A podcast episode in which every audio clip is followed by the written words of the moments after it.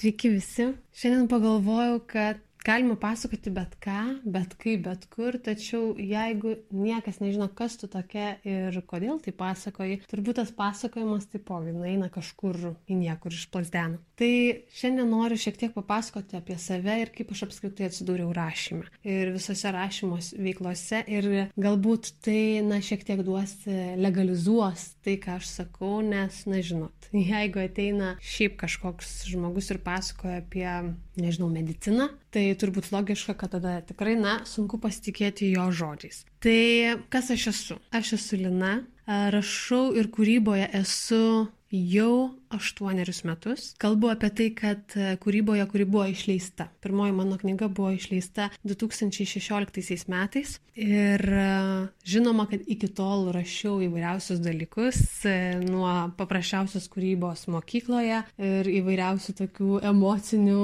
proveržių iki pranešimų spaudai, tuomet, kai dirbau Europos parlamente, straipsnių, apibraižų, įvairiausių dalykų, kurie buvo reikalingi mano darbui, SEO tekstų ir visa kita. Žodžiu, labai labai daug komercinių tekstų ir žurnalistinių tekstų esu parašiusi iki savo pirmosios knygos. O po to prasidėjo toji kūryba, apie kurią svajojau turbūt jau labai labai seniai. Ir viskas buvo tik dėl to, kad tai buvo idėja, išsakyta laiku ir vietoje. Mes su mano geriausia draugė matematikė pasikalbėjom apie tai, na, kad yra tokia problema, jog matematikos žmonės labai bijo ir šiuo metu, tarp kitko, jinai labai daug kalba apie tai ir stengiasi legalizuoti matematiką ir visą tai, kas yra įdomu ir naudinga žmogui matematikoje. Linkėjimai Jeva. O aš tuo tarpu kažkaip netikėtai suformulavau mintį, kad reikėtų pradėti tai daryti jau nuo mažų dienų. Tai reiškia rašyti pasakas, matematinės pasakas. Ir šitą idėją jinai iššoko tiesiog į orą, kol galiausiai po dienos kitos mes pradėjome apie tai kalbėti, o gal, o galbūt tai yra niša, galbūt tai yra iš tikrųjų įmanoma. Pradėjome konstruoti tekstus, Taip atsirado radio laida, kurią mes dviese vedėme. Po to atsirado idėja, kuri tokia jau koncentruotesnė idėja. Priminsiu, kad mes tuo metu nei viena nebuvome, neturėjome nei jokio išsilavinimo rašyme arba kaip rašytojos nebuvom visiškai pozicionuojančios save taip. Na ir mes nunešėm tą idėją į leidyklą. Leidykla šviesa jos norėjo. Tuomet, žinoma, sekė ilgas kelias iki galutinio knygos varianto, e, daug kūrybinių kančių, daug kompromisų, daug e, redagavimo ir vėl naujų idėjų generavimo, žodžiu, visko, visko, kol galiausiai 2016 metais knyga išėjo. Tuomet sekė kita knyga, po to atėjo ir įvairiausių užduočių sąsiuviniai, žodžiu, visas tas dalykas užsisuko, kol galiausiai aš buvau pakviesta dirbti su kakės makės prekiniu ženklu ir taipogi sėkmingai su ja dirbu iki šioliai. Ir tai yra mano visiškas kūrybinio proveržio kanalas, per kurį aš generuoju savo idėjas ir savo rašymo potencialą. Tačiau tai nėra vienintelė mano rašymo veikla. Kaip jau buvau užsiminus prieš tai, dirbau Europos parlamente, bet tuo metu jaučiau, kad politikos temos man visgi nėra visiškai prie širdies. Kad galbūt tai nėra mano asmenybės dalis. Aš beprotiškai iš tikrųjų norėjau dirbti žurnale. Gyvenimo būdo žurnale. Tai buvo mano svajonė, būtent e, nagrinėti tas temas apie tai, ką galvoja žmonės, kaip jie galvoja, kaip jie funkcionuoja visuomenėje, kokių jų būna, kokių būna jų gyvenimų. Ir tada aš tiesiog vieną dieną išsigūglinau visus, kiek buvo įmanoma įvairiausių žurnalų redaktorių e-mailus ir jiem išsiunčiau laiškus, kad aš esu tokia ir tokia,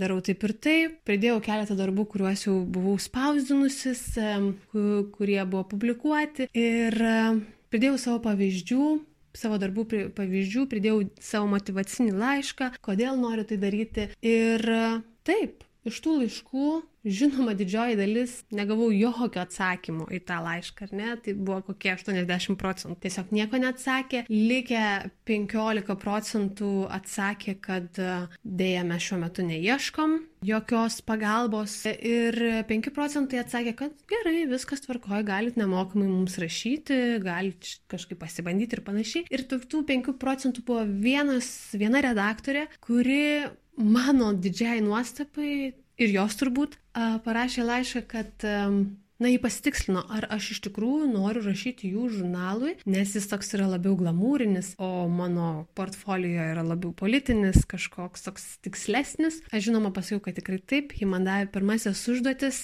ir taip, tuo metu aš atsidūriau žurnale Vestuvės LT ir žvilgsnis į pasaulį, kelionių žurnale ir pradėjau rašyti, pradėjau imti interviu, pradėjau kurti. Galiausiai prieš porą metų, jeigu nesumeluosiu, atsirado kita niša, tai žurnalas Raktas, saviugdos žurnalas, kuriame jaučiuosi labiausiai savimi, kuris jau turbūt yra arčiausiai to, labai arti to tvajotos gyvenimo būdo žurnalistikos ir ten iš tikrųjų jaučiu didelį malonumą. Dirbdama šį darbą jaučiu didelį malonumą, tad jeigu užsinorėsite paskaityti, ką rašau, apie ką kalbam. Apskritai, žurnalas Raktas yra toks leidinys, kurį, manau, na, kiekvienas turėtų paskaityti bent jau kars nuo karto, nes jame yra labai daug žinių, išminties, kurios padeda pozityviau mąstyti. Padeda tiesiog sustoti, labiau galbūt pažvelgti į save ir nuoširdžiai sakau, nesistengdama reklamuoti ar dar kaip nors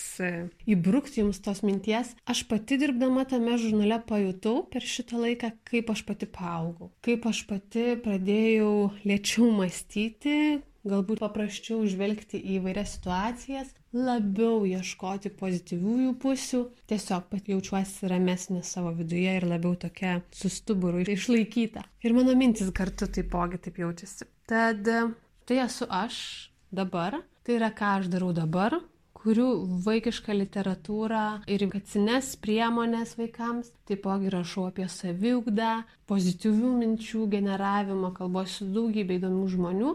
Ir tai yra taip išreiškia savo rašymo potencialą. Tačiau šalia to yra daugybė kitų niuansų, kaip tokie pavieniai užsakymai, kuomet esu šešėlinė redaktorė arba šešėlinė knygos autorė, kuomet na, žmonės yra edukatoriai, mokytojai, influenceriai, įkvėpėjai ir tiesiog nori savo žinias perkelti į knygos formatą ir aš esu tas žmogus, kuris visą tai sustiguoja, sudėlioja ir sukuria tą knygą. Tuomet jį labai sėkmingai gyvena po po tų žmonių pavardę, nes tai yra jų mintys. Tad rašymo yra labai daug mano gyvenime ir aš tuo labai džiaugiuosi ir jaučiu, kokią naudą tai man teikia. Ir būtent dėl to, suprasdama, kad šiandien noriu dar daugiau, noriu aukti, pati kalbėti daugiau apie rašymą ir kodėl tai yra svarbu, kodėl tai yra įdomu, kodėl tai yra naudinga, nusprendžiau eiti į šitą formatą nusprendžiau kalbėti daugiau, kalbėti su jumis, galų gale galbūt net taip susigirdėti vieni su kitais, nes, na,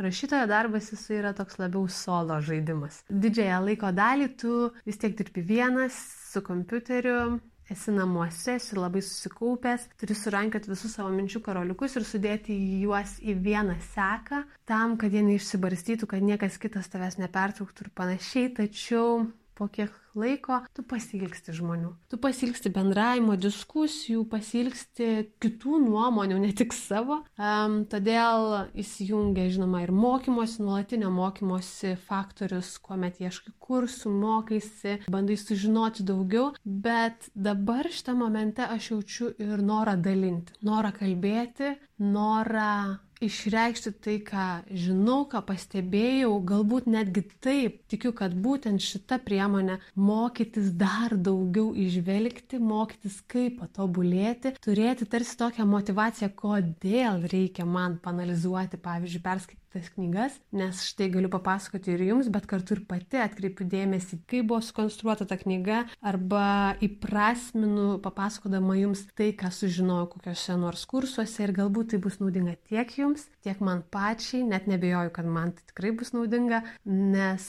kiekvienos žinios, kurias tu pabandai paaiškinti kitam, jos į tave įeina daug giliau ir tu pats jas daug geriau supranti. Tai tikiuosi, kad tai bus apipusė nauda, tikiuosi, kad jums bus malonu klausyti ir tikiuosi, kad rašymas atneš jums daug malonumo. Tad iki susigirdėjimo kitą kartą, o mane visada galite rasti mano socialiniuose tinkluose pagal vardą ir pavardę, o ten daugiau įkvėpimo ir daugiau žinių.